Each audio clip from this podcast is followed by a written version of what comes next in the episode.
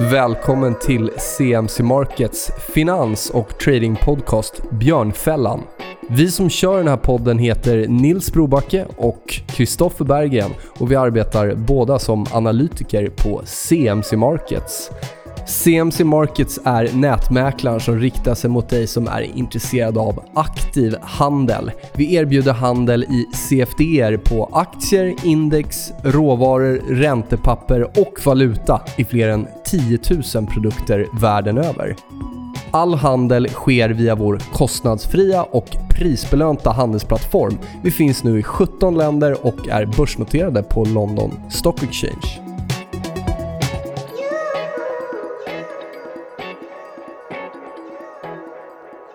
Var det dags för avsnitt 82 av vår podcast Björnfällan. Eh, som vi kommer inleda med att följa upp våra contrarian trades för 2019. Vi kommer även prata om några intressanta saker inför 2020. Eh, vi kommer prata lite bankaktier, lite fastighetsaktier. Vi kommer prata lite om eh, leverage loan-marknaden i USA som tillhör då de här contrarian tradesen för 2020 bland annat. Och lite annat smått och gott. Men vi kan väl eh, börja med att följa upp 2019s case då. Mm. Eh, vill du inleda där eller? Mm. Vi, vi, eh, ska vi ta casen först då? Så kan vi väl Ja. komma in på lite mer generella marknadsrörelser sen. Nej men det... eh, Vi har gjort det här nu ett par år och eh, som vanligt så har det bestått av långa och korta positioner i, i flera tillgångsklasser. Och om, om vi börjar med kanske den kraftigaste trenden förra året som både du och jag var inne på, då var det på räntemarknaden. Mm. Eh, gick ju otroligt starkt och tror jag förvånade många. Ja. Och där var det framförallt eh, en lång position i amerikanska tioåringen, alltså ett bett att eh, räntan skulle gå neråt. Eh, som spelade ut bra eh, och eh, den gick väl lite drygt 9% vilket Mm. är ganska mycket i den typen av papper. Och sen var det även LQD, alltså investment grade, som, som rörde sig mycket också, lite drygt 14% då.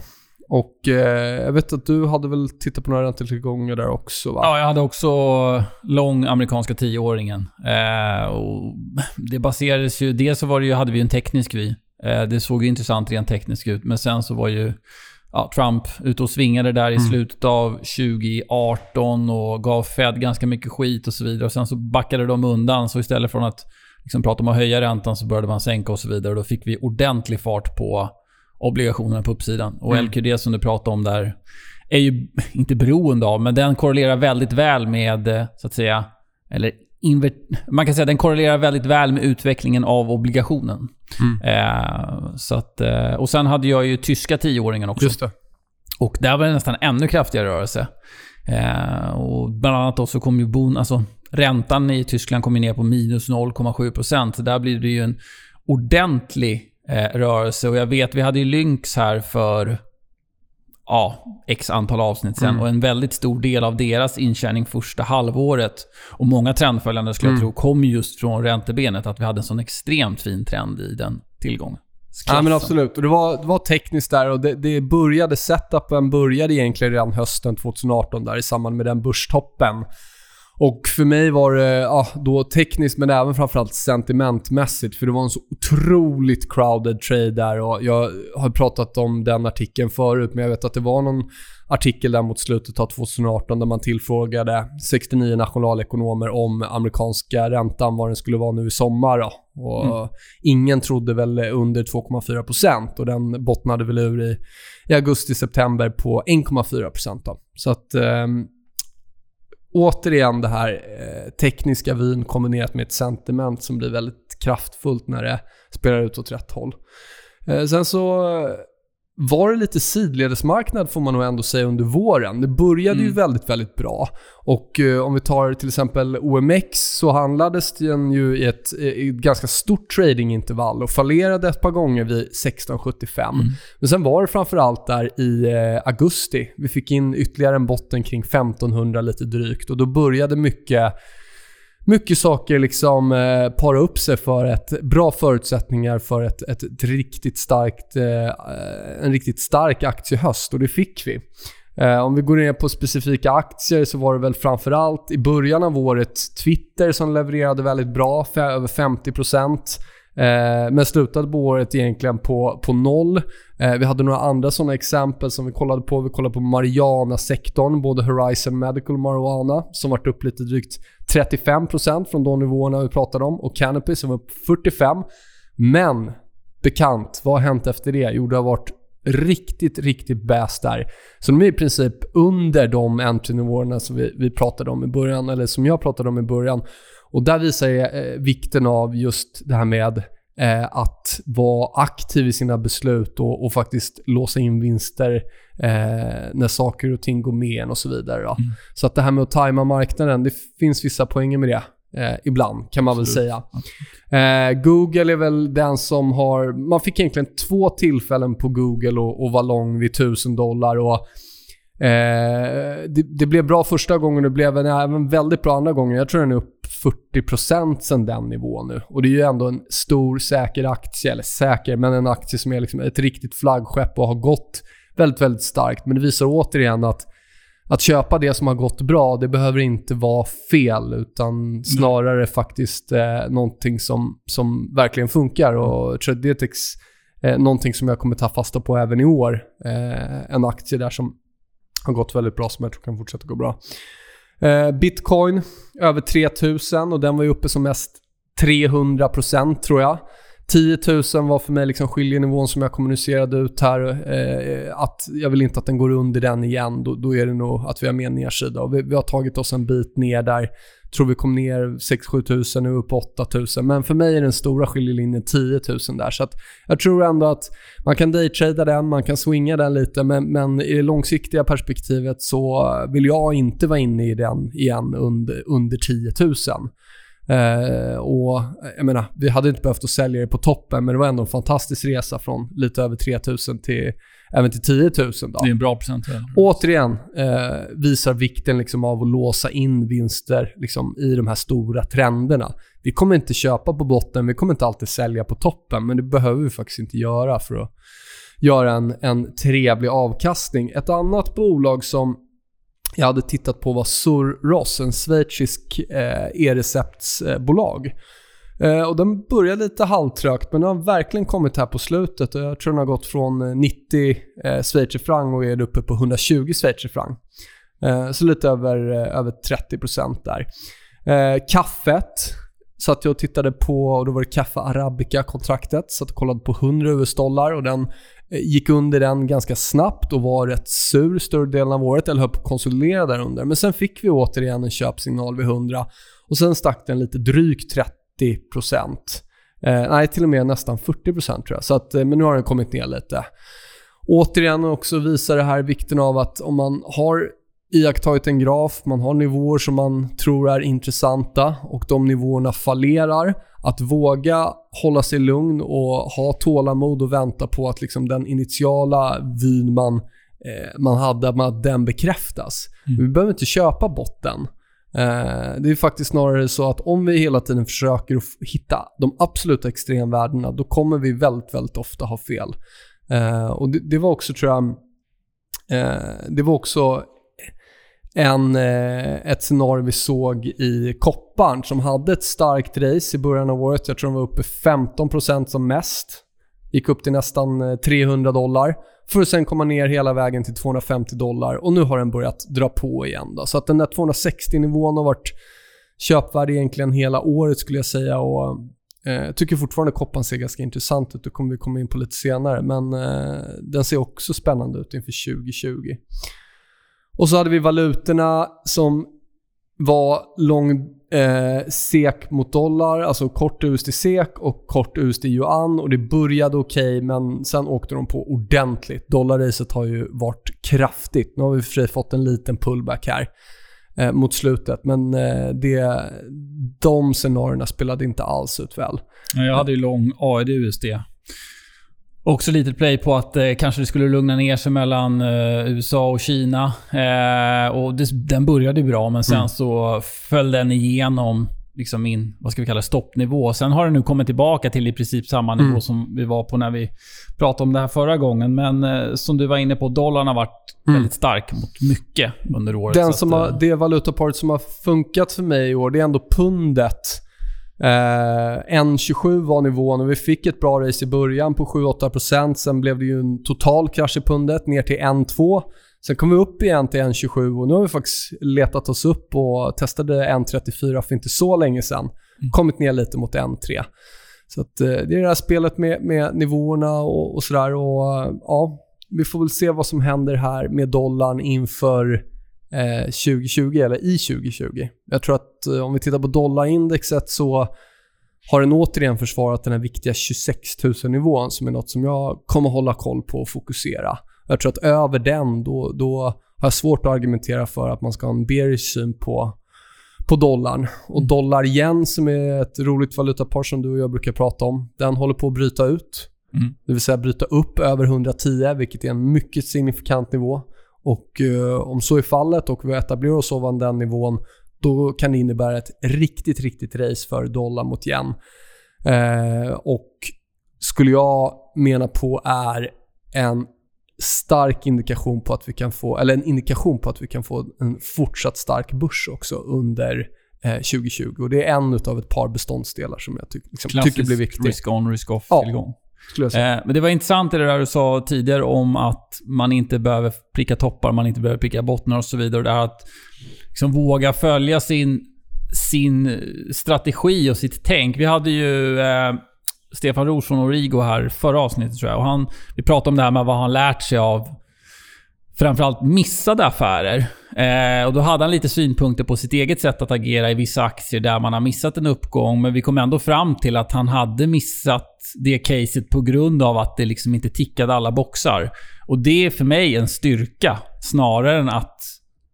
Alltså bara för att man missar ett case eller gör en dålig affär så betyder det egentligen inte att det är ett dåligt beslut. Snarare kan det vara ett bra beslut. Man har följt sin plan, man har följt sin, sina regler och så vidare. Sen så blir det inte alltid som man tänkt sig. Eh, så att liksom att, som du är inne på, våga vänta tills man får signal. Mm, och vara ödmjuk inför, speciellt om vi är kortsiktigare i vår handel, det är ju processen som är det viktiga. Det är ju att vi följer våra utsatta regler. Att ett eller ett par utfall blir bra där vi har gått emot vad vi liksom ska göra, det säger ganska lite. Då är man, tror jag, ute på, på ganska långt på riskskalan. Det, är- det är ju processen, vi ska ju upprepa det här vi, vi, vi sysslar med och kunna göra det liksom över tid.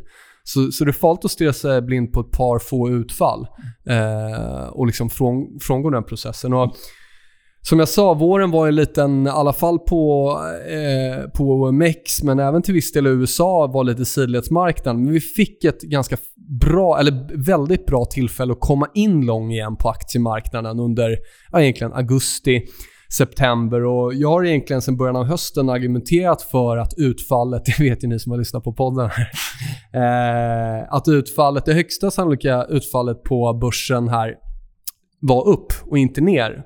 Och det hade dels med att göra det tekniska såklart. Vi har brutit ner det på sektorer innan, globala aktieindex, testade, liksom började, eh, började para upp sig väldigt fint. Vi såg eh, också på räntemarknaden den här räntebotten med lite drygt 1,4% som jag menar på är, är ett styrketecken för, för aktiemarknaden. När räntor stiger så har det historiskt korrelerat med, med stigande aktiekurser.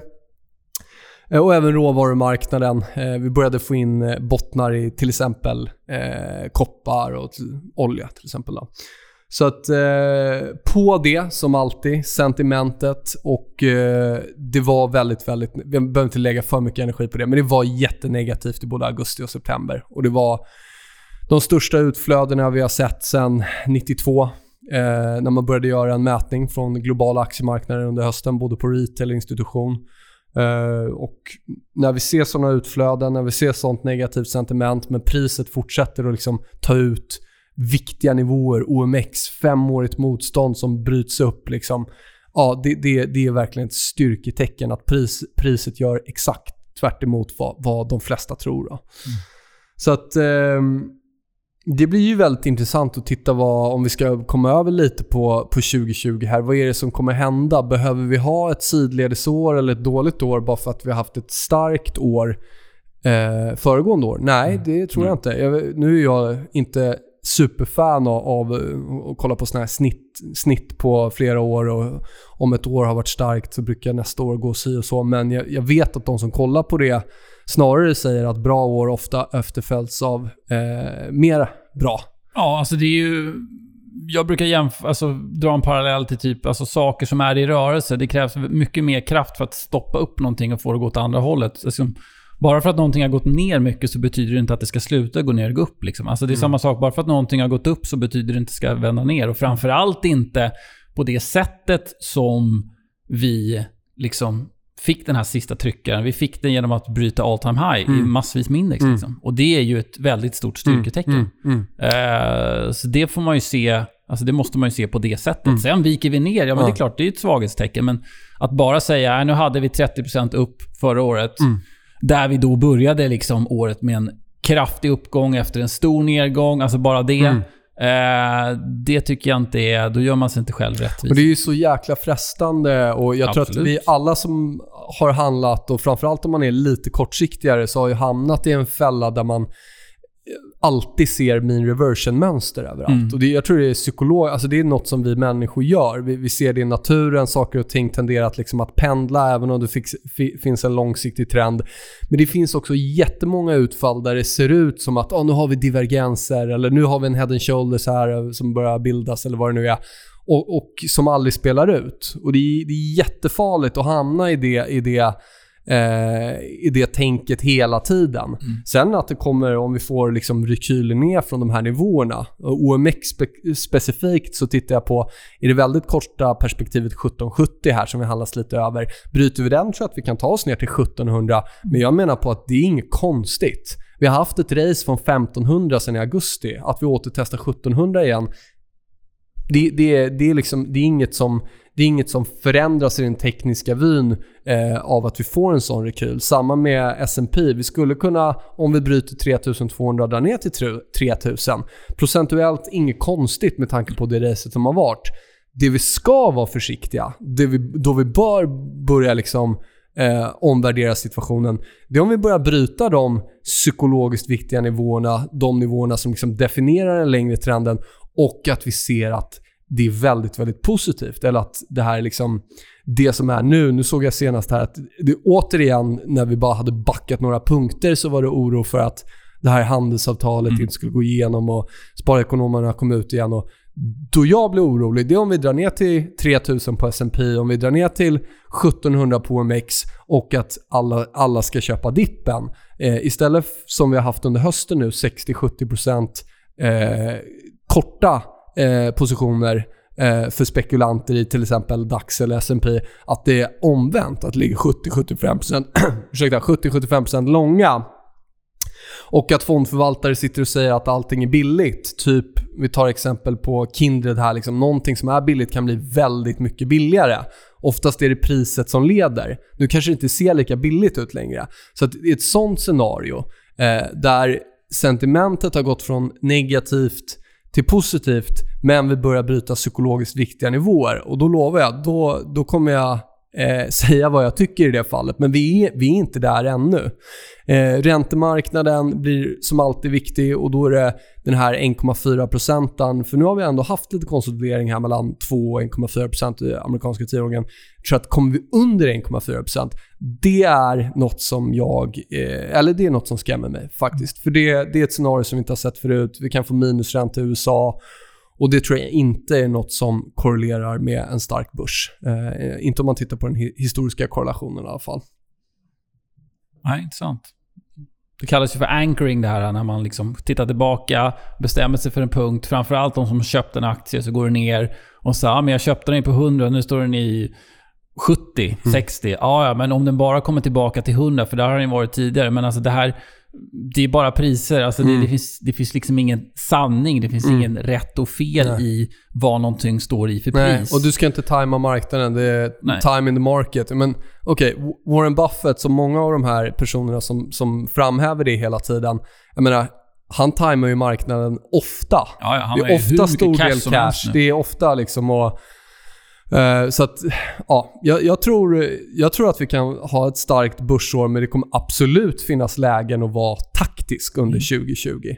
Uh, och ja, vi kommer väl komma in på lite mer case här snart. Mm. Uh, jag kan ju bara dra en egen parallell kort.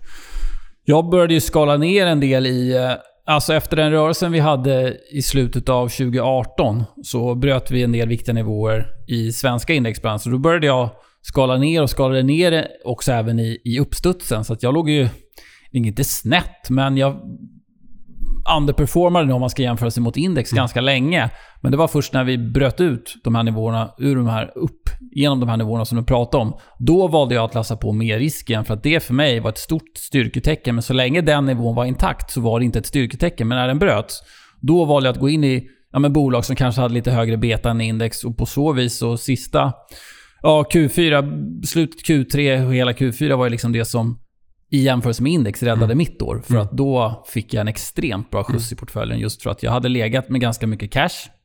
Eh, fortfarande aktier, men ganska mycket cash i relation till vad jag brukar ha.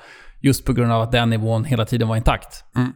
och det var lite stressande. Ja. Eller, ja men du vet, det, det kommer stora uppstudsar och sen så kommer rekyl, tänker man. Mm. Ja, men, och sen så blir det inte lägre bottnar och tänker man okej, okay, nu kanske det är någonting på gång. Men då ska man ändå sitta och vänta tills triggern kommer. Och när den mm. väl kom så... Visst, man kanske hade tur nu, men jag följde bara prisriktningen i det här fallet. Liksom. Och något som vi pratade, nämnde kort här innan, men något som jag tyckte var ett styrketecken, det var om vi bröt ner även på sektorer. Mm. Eh, vi hade ju laggande Russell 2000 som hade varit liksom lång konsolidering och det är först nu vi faktiskt har brutit ur den liksom ett och ett halvt, tvååriga konsolideringen. Eh, vi hade emerging market som har varit segt och vi kan gå in på andra sektorer också. De har vi fått med oss och det, det är sånt som liksom ökar sannolikheten för att för att vi ska få en, en fortsatt bred uppgång. Och Något som jag tycker är superintressant om vi hoppar in på en annan sektor, XLF, alltså finanssektorn eller financial eh, sector, eh, ITF, kan man kika på. Där har vi alltså konsoliderat i 13 år. Vi får gå tillbaka till 2008 för att titta på de nivåer som vi handlas till nu. Alltså, jag var inte ens klar på universitetet då. Alltså, folk pratar om en, en fantastisk marknad, men kan man säga att det varit en fantastiskt stark marknad när om man köpte finans 2008 som ändå är en bred placering. Jag vet Berkshire Hathaway är väl typ, typ jag tror den största komponenten där. Eh, kan man säga att det har varit en fantastiskt stark marknad om vi inte ens, liksom, om vi nu är tillbaka vid toppen? Nej, väl... Vänd på det, säg att det här är starten på en fantastisk marknad, mm. på en ny bullmarknad. Eh, man, vad är det, det finns väl... Vem är det som brukar säga det? Nu glömmer jag bort vem det är, men... Eh, alltså ju bredare konsolideringen är, eller ju längre konsolideringen är, desto större uppsida ska det vara när det bryter. Mm. Och det kan vi se på XLFen. Vi kan gå på Eurostox 50, alltså Europa, som först nu är tillbaka och faktiskt har börjat stänga över 2008 års nivåer. Eh, och vi har ett par sådana exempel. Så att, Men där hade du ju den sektorn som var absolut mest utsatt för finanskrisen. Absolut. Det är samma sak som efter eh, IT-bubblan så tog det bra lång tid för tech att komma tillbaka. Absolut. Men fortfarande, men, men det är intressant. det är inte så många som tänker på att det tog så lång tid för den att komma liksom, Ko Kolla var tillbaka. tech står nu efter mm. att vi mm. tog igång. Det, det, var ju säkert, det kändes ju säkert toppish när vi, vi testade de 2000 topparna. Men det har väl gått ett par hundra procent sen ja, den toppen också. Så att, det, det, är liksom ny, nya högsta är inte en anledning till att bli eh, till att vara liksom eh, negativ, snarare tvärtom. Eh, men det vet ni ju som lyssnar här eh, att vi, vi eh, vi har ju inte alltid liksom en syn där, där saker är, är, billigt och sen dyrt. Utan någonting som är dyrt kan bli otroligt mycket dyrare och vice versa. Mm. Um, DAX tycker jag också är värt att ta upp. När vi är uppe och handlas vid all time highs. Eh, upp tror jag 20% sedan augusti botten. Och konsensus kring makro i Europa har ju varit piss. Europeiska banker, eh, katastrof eh, har de flesta tyckt. Och då har vi fått liksom ett par race här under våren, på, eller på hösten på tror jag, BNP har väl gått 40% och så vidare. Till och med Deutsche Bank som, som liksom ingen gillar har faktiskt stigit ganska mycket och börjat bilda en, en bred bas. Och där är ju alltid med så här bottenfiske, där ska man ju vara försiktig liksom. Eh, men jag tycker ändå att det är ett rejält styrketecken att DAX är uppe och te testar sina högsta nivåer. Eh, trots att liksom, ja, makron i Europa är väl, är väl fortfarande inte... Nej, den är inte Superbra. glim, glimrande. Nej. Framförallt inte i Tyskland. Jag tror vi har ett all time high här på 13,587 som vi är väldigt nära och min skiljelinje på DAX är 13 000. Jag tror att över den så vill man vara lång och bryter vi all time high då, då, då tycker jag att det är dags att börja bli eh, aggressivt lång. Och jag ser fortfarande inte att liksom köpare är, är, eller att det kommer in jättemånga dippköpare, att alla positionerar sig för studsarna utan vi ligger och skiftar mellan lite drygt 60-70% eh, kort eh, när vi kollar på våra eh, positioneringar, ja, våra sentiment. Från att kanske gå ner mot 55-60 kort när, när det kommer ner lite. Men vi har fortfarande inte sett någon så jätteövervikt på lång. Och där är om visst om vi bryter under 13 000 och, och vi ser att det snarare är alla vill köpa dippen, då, då, då kanske man ska vara försiktigare. Men jag tycker också DAX visar liksom ett, ett klart styrketecken.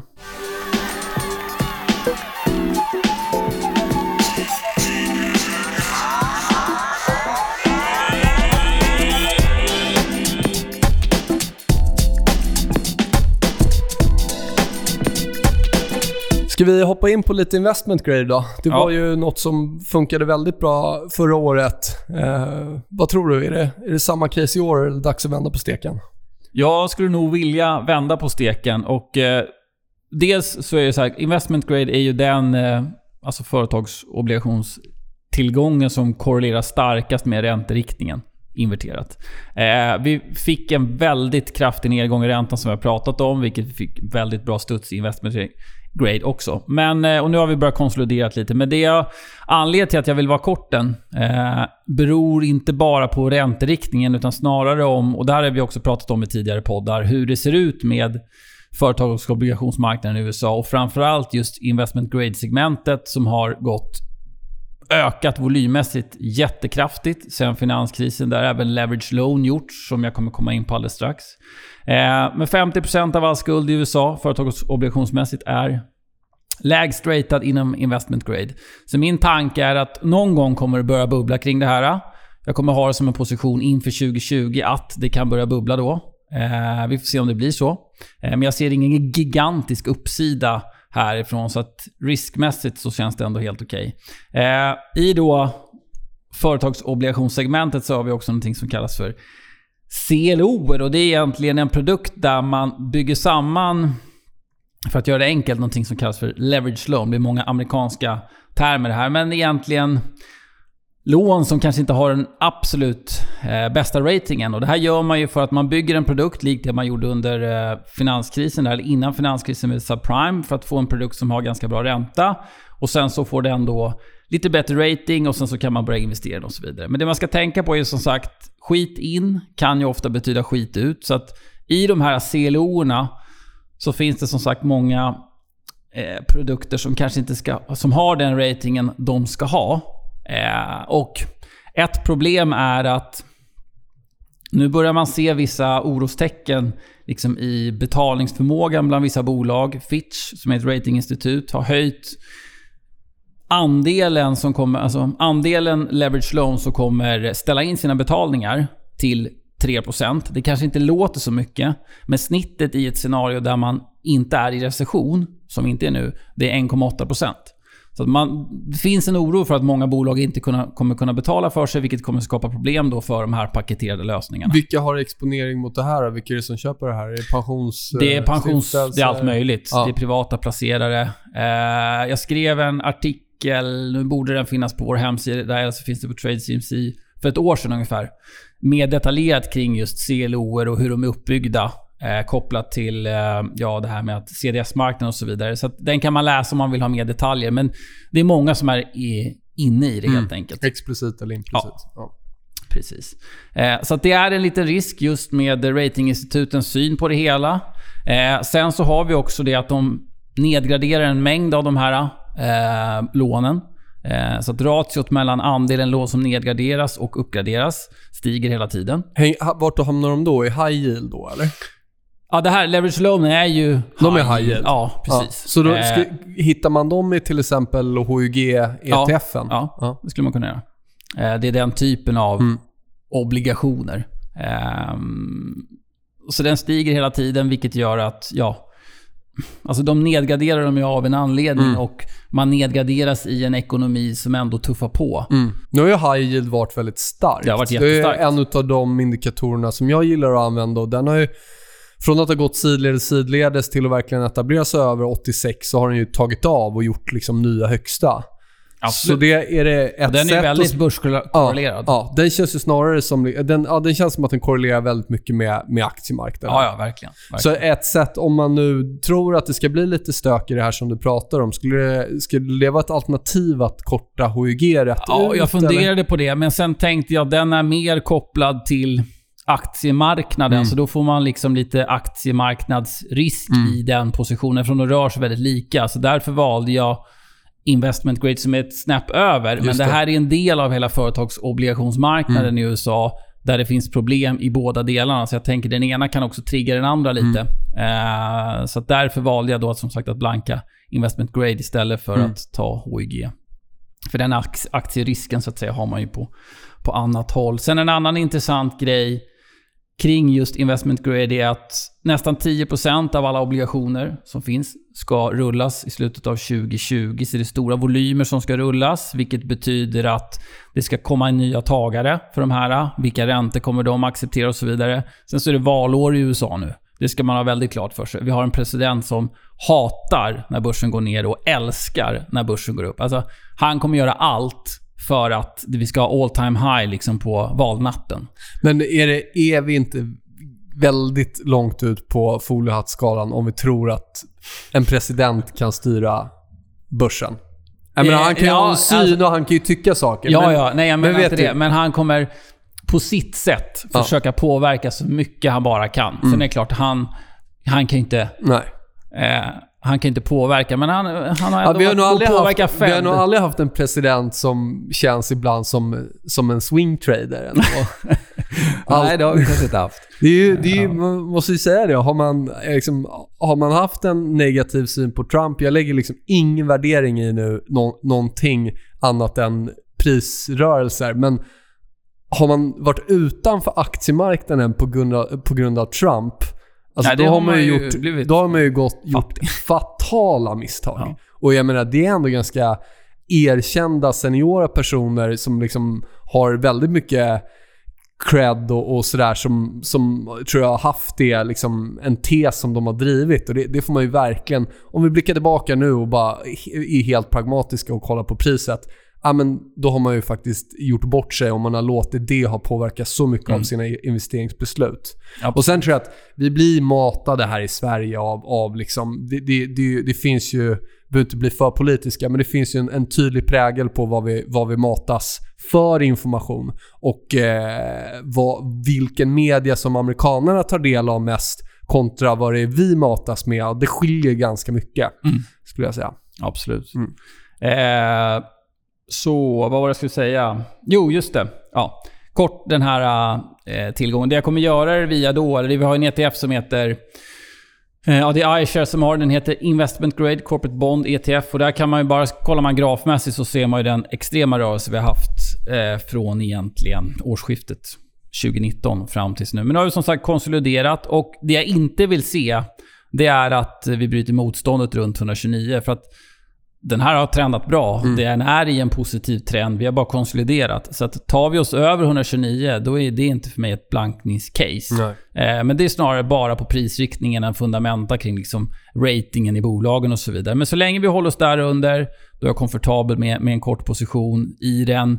Triggen för ytterligare liksom negativt momentum, ja men det är om vi bryter de medelvärdena som vi har där och tar oss igenom stödet runt 125, de bottnarna. Det är liksom en, den viktiga nivån på nedsidan. Vad sägs om att snacka lite olja? Mm. Det har ju varit på tapeten, får man väl ändå säga, sen i höstas. Ja, verkligen.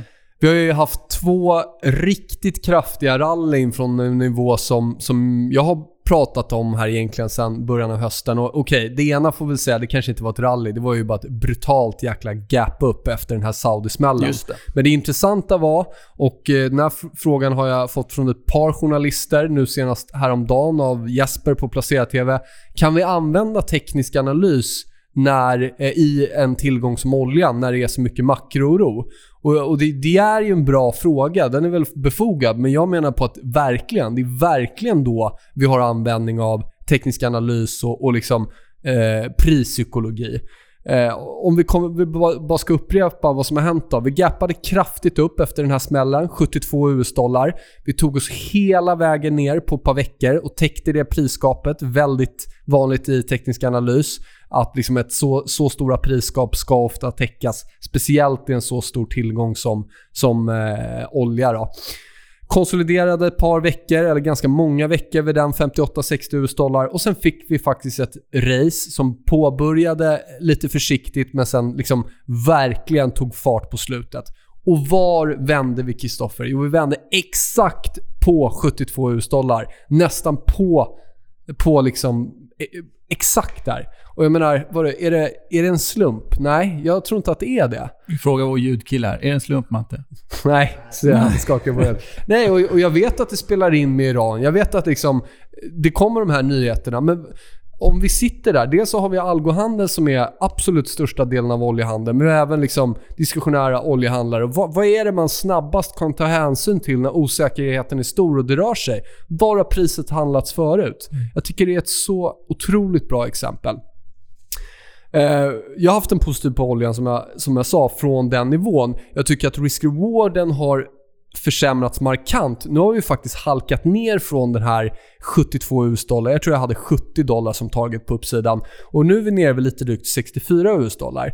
Det som gör att jag ändå tycker att man ska börja bli ganska försiktig från de här nivåerna, det är att Oljan var inte en trade som, eller energi överhuvudtaget var inte jättemycket prat om i höstas. Men nu börjar det bli ett sånt som många pratar om. Det är naturligt. Energi har bottnat ja, ja, det är naturligt när, när eh, det är en sektor som har laggat efter de flesta andra sektorerna. Och jag förstår, det blir en sexy trade. Man vill liksom plocka upp det som har gått minst bra av det som ska gå bra. Eh, men det är, tycker jag, inte samma bra förutsättningar som det var under hösten. Så jag, jag är inte säker på att vi ska se 80 US-dollar. Eh, vi kan lika gärna gå ner mot 60 och det är där jag tror det avgörs. För det är där den stora trenden ligger. Det vill säga den som startade vid 30 US-dollar. Eh, och, och det, så, så jag kollar nu på en konsolidering här 64-60 och det får nog visa vägen lite. Men absolut, om, om, liksom, om, om, eh, om vi nu börjar komma upp igen så då finns det ett scenario upp mot 80 US-dollar. Men den, den, känns inte lika attraktiv. Eh, kolla på lite retail-volymer och sådär också. Så jag, det är i och för sig väldigt ofta det är så, men jag tror det är 90-95% som är långa. Mm. Så det kan man ju ha med sig.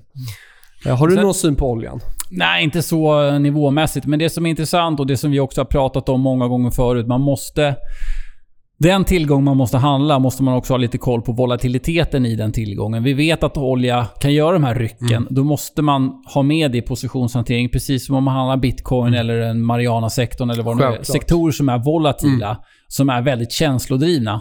Eh, måste man, det måste man ta mm. hänsyn till. Och det är inget konstigt att man tar mindre positioner bara för att ta hänsyn till volatiliteten. Nej, alltså Nej det, bitcoin-exempel. Kan det gå 300% på ett par månader, då kan det också gå ner 70-80% ja. på ett par månader. Det, det, får man ha med sig och därefter anpassa sizen. Mm. Bra att påminna om. Och sen kan man, man måste ju inte vara inne och peta precis i olja. Man kan ju handla olje, alltså oljebolag mm. om man nu vill hellre vill jobba med, med bolagssidan, men ha olje, viktiga oljenivåer som triggers. Mm. Och om man tror att energi ska vända, om man tror på olja ska vända, då tycker jag Halliburton är något att kolla på. Den har redan mm. kommit upp en del, men inte i det stora hela om vi zoomar ut. Så att, eh, jag tror att om energi ska vara en sektor som går, då tror jag att Halliburton är ett bra case. Sen finns det ju energi, det finns ju energi-ETFer, det finns ju liksom, finns om man vill köra lite ja, portföljtänk kring det istället. Ska vi hoppa över på guld? Ja. Det har ju verkligen glimmat, mm. får man säga, om man blickar tillbaka. Tror vi, vi gick väl från mars lite drygt så, så var det, handlades vi nära eh, kring en viktig nivå kring lite 1300 dollar och sen har vi faktiskt gått otroligt starkt med lite konsolideringar på vägen. Eh, min egentligen huvudtes var att vi satte toppen i guldet samtidigt som vi fick in botten i räntan. Jag tycker Eh, guld eh, är snarare en bra hedge mot, mot räntenedgång än att det alltid ska vara mot börsnedgång. För det, mm. det är inte alltid så det korrelerar. Eh, men det är ju nog kanske så att jag får omvärdera den tesen. Eh, silvret var något som spelade ut bra även förra året från de nivåerna vi hade tittat på. Men nu gjorde vi faktiskt en ny högsta i guldet här på 1600. Mm. Vi har kommit ner. Jag tror vi handlas kring 1549 nu när jag gick in här. Eh, och vi har ett par dagar kvar på den här månaden. Men jag, jag, jag tror att om vi stänger där vi är nu, en bit över 1500, då, då får jag nog omvärdera min tes. Då kan nog guldet gå längre och jag vet att det är väl ett av dina Ja, jag har det som... Eh, ja. inte contrarian. Nej. Det är svårt att vara contrarian något som har tränat ja. jättebra Men jag har fortfarande, eller jag är ja. lång guld och dels beror det på rörelsen som vi har haft rent teknisk. Och sen så har vi också... Vi pratar mycket om det här med centralbankernas agerande, vikten av det. Vi ser hur mycket likviditet Fed har börjat pumpat in igen. Eh, och så fort det blir lite oroligt kring centralbankerna mm. så får vi bra tryck i guld. Då kommer in stora flöden där. Och jag tror att den oron kommer inte riktigt försvinna under 2020. Nej. Kanske att den kommer tillta ännu mer när liksom eh, balansräkningarna sväller igen. Mm. Eh, så det är också en liten sån här hedge mot... Inte att det finns en systemrisk 2020, men lite det tänket. Mm. För någon gång kommer den smällen komma. Mm. Att marknaden blir stressad över mm. centralbankernas skuldsättning och hur de agerar och så vidare. Så det är en liten Har du något target på, på uppsidan i så fall? Nej, alltså för, för att öka jag hade ju en exponering sen tidigare, men för att öka så 16-15 nivån. Mm. där vi svansade upp, eller ja, mm. vi kom upp dit och sen så blev det ganska kraftig, det är en kraftig svans på uppsidan och sen har vi nu kommit Det var ner. ju senast Iran-Irak-stöket ja. här. Så då fick, fick ja. man ju den här, äh, liksom, system, inte finansiella, men den här riskoron som bara översvämmade. Då fick vi en bra, ett mm. bra race i guld direkt. Eh, så den nivån har jag för att öka. På nedsidan så är det eh, ja, 1450 som är liksom en viktig nivå ja. i, i första hand. Eh, en ja, jag, Vi bröt ur en bullflagga och det ska också sägas i ganska många valutor. Oftast tittar man på guld mot eh, dollar. Mm. Men i en mängd eh, andra valutor mot guld, så att säga, så bröt alla i princip ur den här bullflaggan då eh, samtidigt. Mm. Vissa lite snyggare än andra, men det fick vi en teknisk signal i väldigt många olika mm. eh, valutor mot guld. Ja, men jag håller med. Alltså, börjar vi göra månadsstängningar vid nuvarande nivåer så då ser det starkt ut. Då kan vi nog absolut ta oss en bra bit eh, mer. Men som sagt, jag tror ändå att min tes är att guldet har toppat om nu räntan har bottnat mm. i USA om vi får nu en stängning kring 1500 jämnt, för jag ser nu ganska övervikt retail-volymer så på lång och så. Ja, jag tror att den, den, det finns fortfarande det scenariot, men det blir jätteintressant att se hur det spelar ut. Och vi behöver inte, återigen, vi behöver inte ha ett starkt guld bara för att vi har, har en svag börs, utan det kan korrelera. Sen har ju jag, vi pratade om det här med investment grade och eh, även, eh, jag hade tioåringen förra året Alltså då obligationen. Jag kommer även ha den i år och det är snarare en hedge mot eh, investment grade-rörelserna på grund av att de, de rör sig så pass fint tillsammans med den här tillgången. Så att får vi en räntenedgång, det vill säga att eh, eh, obligationen kommer stiga i värde, så kommer vi också få en stigande investment grade om det inte blir oro. Och min, min trade var ju att det skulle bli oroligt där, så att för att ta bort ränterisken så att säga, eller ränteriktningen, så valde jag att gå lång eh, amerikanska tioåringen. Det kan mm. också vara som så att det blir en safe haven-tillgång. Mm. Om det stökar till sig under 2020, ingen aning, men det kommer att komma in flöden där, vilket kommer förmodligen hålla ner räntan och mm. kommer få obligationen att stiga. Så att, eh, inte mer avancerad trade än så. Men den finns kvar. Om vi, vi nämnde ju tidigare, emerging markets har gått bra sen 40 US-dollar och koppar har också gått bra återigen eh, andra delen av året från 260 US-dollar. Lite som i, i oljan och energi, att det är en ganska omtalad trade nu. Eh, så att det, det gör mig alltid lite mer eh, försiktig. Eh, den var inte lika omtalad i början av hösten. Men om emerging markets ska gå bra, då har jag kollat på Thailand. Oh. Thailand tror jag kan ha en fantastisk resa, resa framför sig. Eh, och då är det en ETF som är MSCI som ställer ut, som jag har kollat på. Och där är det lite drygt 83 US-dollar. Vi har fått lång konsolidering, vi har en uppåtgående trendlinje, tidigare motstånd som nu agerar stöd. Så kika in på den ETFen. Jag tror att vi kan få ett riktigt fint race i den om emerging markets ska gå och om eh, vi försvarar den 83-nivån där. Så det är en sån liten en eh, bred eh, ETF som vi Mm. kan kolla på. Ganska svårt att få exponering mot Thailand annars. Inte, inte jättelätt i alla fall. Nej, det är ju... Jag vet inte ens om man kan handla aktier. Det är Tror något det. konstigt där. Nej, de regler, ja. Eh, Och just det här med emerging markets, nu pratar du Thailand, men även... Jag gillar själv emerging markets där man kanske inte har... Ofta är det extremt mycket Kina-exponering, men det är inte riktigt den jag är ute efter när jag vill ha emerging markets. Så att om man också kan kanske hitta ETFer som skalar bort en del av Kina, eller direkt köra land här nu. Thailand då. Spännande. En aktie, ja. En aktie som jag tycker liknar lite kring Google förra året.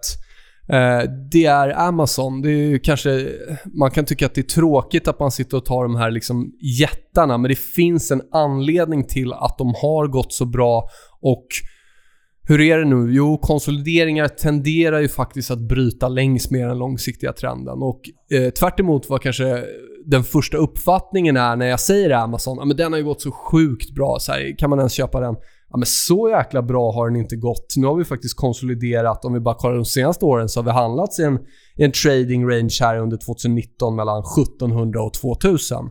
Och Jag tycker att den tekniskt ser ut lite som Google, att vi kan göra det här större benet upp nu. Över 1750, då vill jag vara lång, absolut. Och tar vi ut 2000, alltså taket på den här långa konsolideringen, då är det nästan oansvarigt att inte vara kraftigt lång.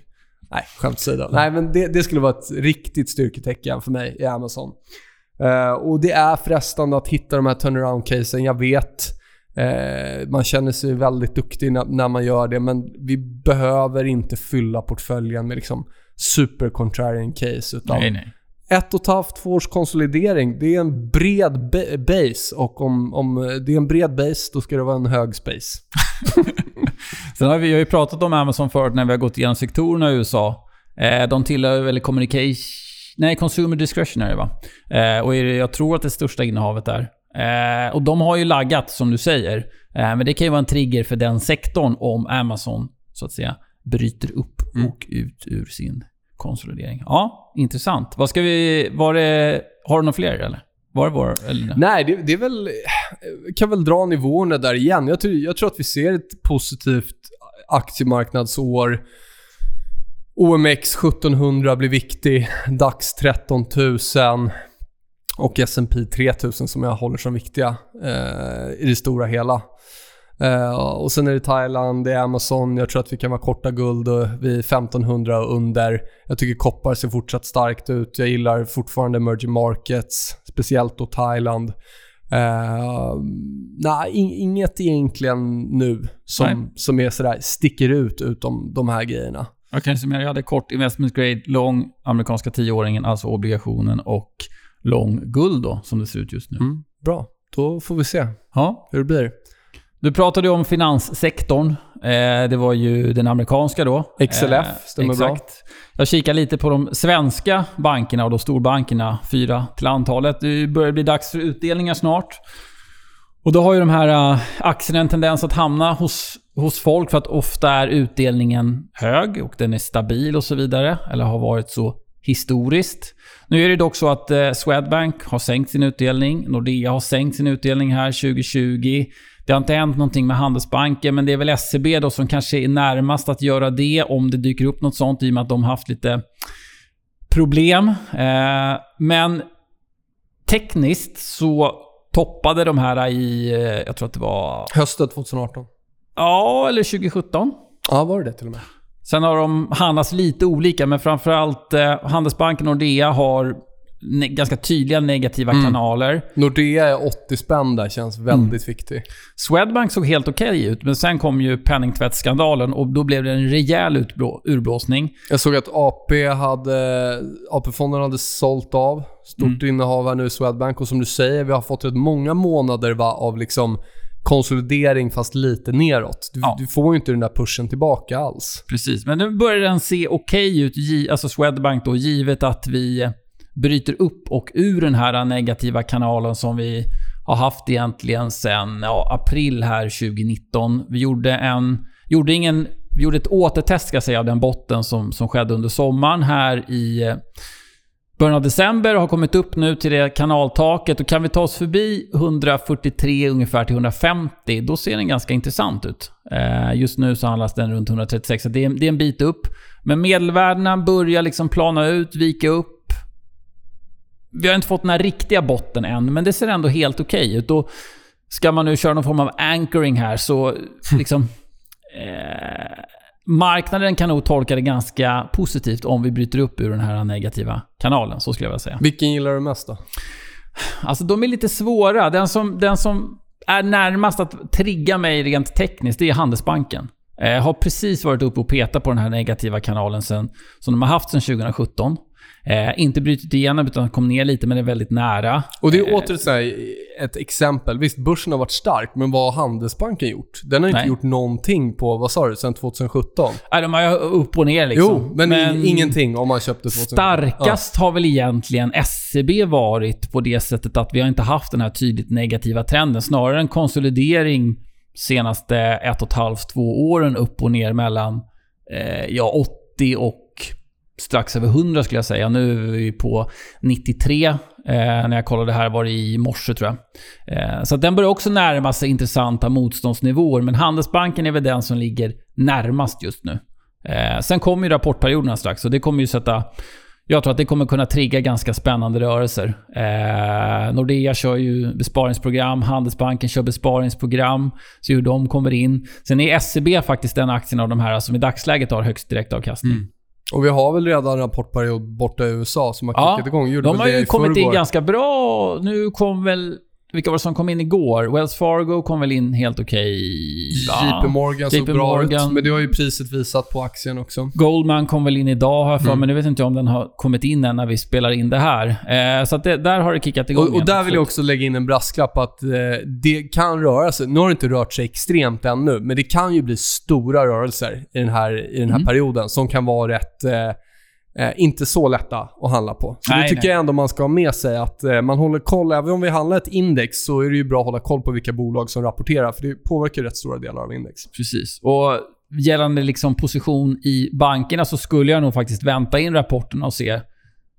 Kommer den in helt okej? Okay? Marknaden behöver inte ta emot den liksom med en uppgång på 5-10%, men ändå att man tar bort lite av den risken som, och den oron som har funnits för rapporterna. För då, då kan man liksom jaga den här direktavkastningen. Som sagt, SEB är den som ligger runt 8 och högst. Handelsbanken runt 6. Nordea ligger också runt 6, men de har ju sänkt. De hade 10% innan. Sen sänkte de sin utdelning.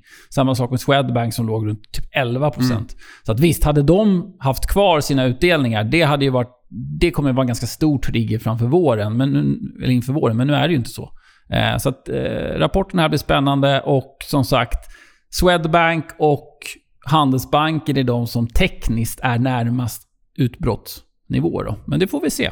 Det får vi se. Och sen var det lite fastigheter där. Är det något du spelar liksom Nej. Kort, kortfastigheter, lång bank eller? Nej, det, det jag, jag äger faktiskt Castellum som är ett av de här fastighetsbolagen. Men det är inte det som har flygit som en galning. Men det är väl mer långsiktigt så här, att ha lite fastighetsbolag. Men det finns vissa som har gått extremt bra senaste året. Och då pratar vi Klöven är upp på ett år 129%.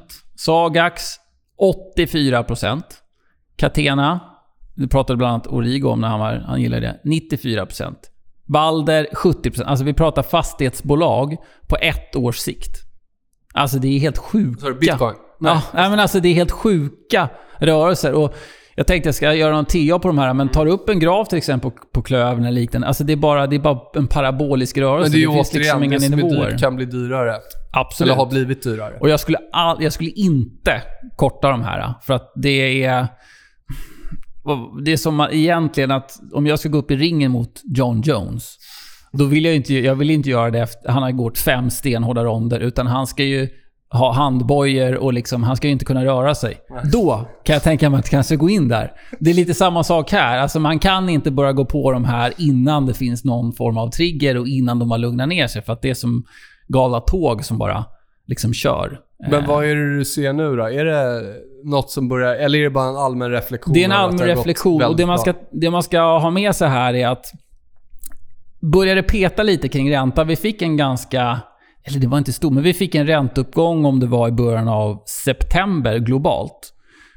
parade ihop sig med vissa saker. Det var en stor ägare i Catena som sålde ut lite aktier, eller ganska mycket aktier. Då fick vi en rörelse på kanske 10% direkt i svenska fastighetsbolag. Så att minsta lilla... Alltså, om man börjar oroa sig för att räntan ska ticka upp, då tror jag man ska vara försiktig med de här fastighetsbolagen. För att den kraftuppgången vi har haft, alltså jag tittar också på hur långt de handlas från sitt alltså 200 dagars glidande medelvärde. Eh, Klövern då till exempel 47% ovan det medelvärdet.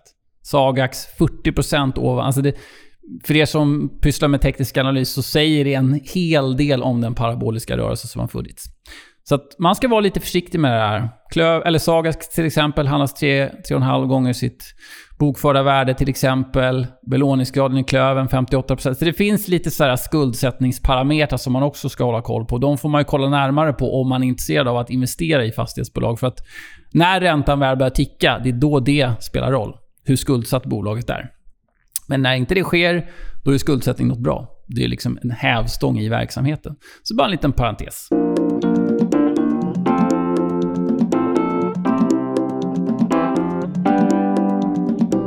Sådär då, avsnitt 82. Första avsnittet för decenniet. Mm. Oh, för decenniet? Ja.